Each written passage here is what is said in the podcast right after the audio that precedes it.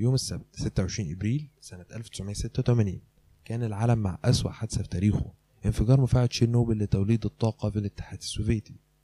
فهل إحنا على موعد مع الجزء التاني من مسلسل تشيرنوبل ثواني إيه الافوره دي؟ نبدأ من جديد. آه لو متعرفش إيه مسلسل تشيرنوبل فده مسلسل قصير خمس حلقات بس من إنتاج شركة HBO اللي أنتجت مسلسل Game of Thrones من كام يوم لقينا انفجار حصل في روسيا. الحكومة الروسية قالت ده انفجار عادي.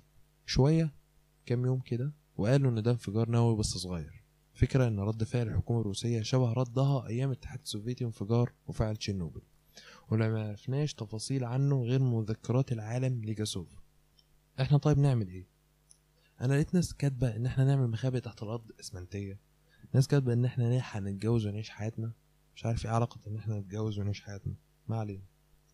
أنا هتكلم بالأرقام ومصادر موثوقة ومن الارقام الرسميه مش من يوتيوب ولا بوست أي حد.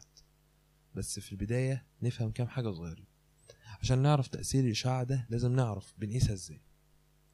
في البداية وحدة قياس الاشعاع الناتج مش بنحتاجها قوي. إحنا محتاجين حاجة تقيس الإشعاع اللي بيأثر علينا. عشان كده في واحدة بتقيس جرعة امتصاص الإشعاع في الكائنات البشرية وده اللي يفرق معانا.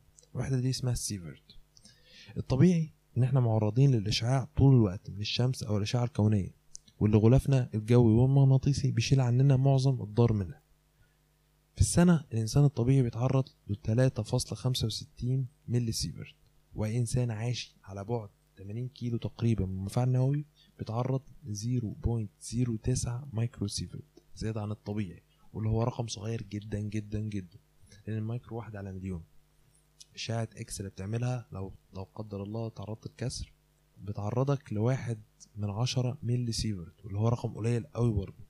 الإنسان لو تعرض لواحد سيفرت بيجيله حاجة اسمها متلازمة الإشعاع.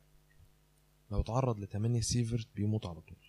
في تشيرنوبل رجال الإطفاء وفنيين المحطة اللي كانوا أقرب ناس للإشعاع بتاع الكارثة دي اتعرضوا لستة سيفرت وماتوا بعدها بشهر.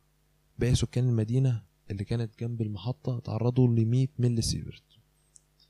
الأرقام الرسمية من محطة قياس لمدينة بينها وبين مكان الانفجار اللي حصل في روسيا الفترة الحالية خمسين كيلو قالوا إن الإشعاع زاد اتنين مايكرو سيفرت وكان لمدة ساعتين ونص تقريبا ورجع الرقم, للرقم الطبيعي. حتى وقت تسجيل الحلقة دي الوحيدين اللي قالوا إن هم رصدوا حاجة كانوا الأمريكان وما قالوش هم رصدوا إيه. يعني خبر إن الكيان المحتل رصد إشعاع ده خبر ملوش مصدر أصلا ومش موجود. وعلى حسب كلام منشور في ABC News إن قلق العلماء كان من جسيمات ألفا اللي ممكن تأثر على الناس في روسيا وإزاي تعامل الحكومة مع أثار الانفجار؟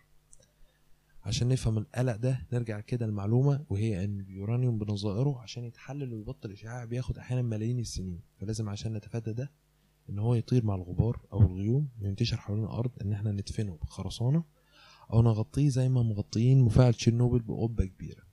يعني محدش بيوزع يود مفيش دول حوالينا حذرت مواطنين ده بيبين لك قد إيه المسلسل اللي كان معمول بإتقان شديد خلى الناس عندها فزع من أي شيء يخص روسيا أو الطاقة النووية أو الاتنين مع بعض.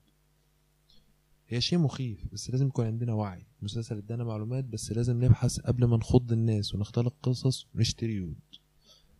لو عجبتك الحلقة الاستثنائية دي انشرها مع اللي تعرفهم. قيم البودكاست في المكان اللي بتسمعنا فيه وخصوصا آيتونز. جماعة بتوع أبل قيمونا عشان الناس أكتر تسمعنا.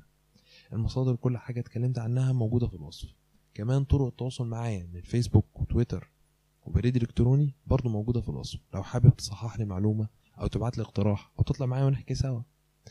في جزء جديد برضو اتضاف من الحلقة اللي فاتت وإنك أنت تقدر تبعت لي تعليق صوتي. وأنا إن شاء الله هضيف جزء في الحلقة اللي بعدها لكل التعليقات الصوتية من الناس اللي بعتوها سواء رد أو مشاركة أو تصحيح بحيث إن إحنا نشارك الفايدة كلنا وكلنا نقول رأينا. ما تنساش تشير الحلقة زي ما اتفقنا. كان معاكم محمد رفعت. سلام.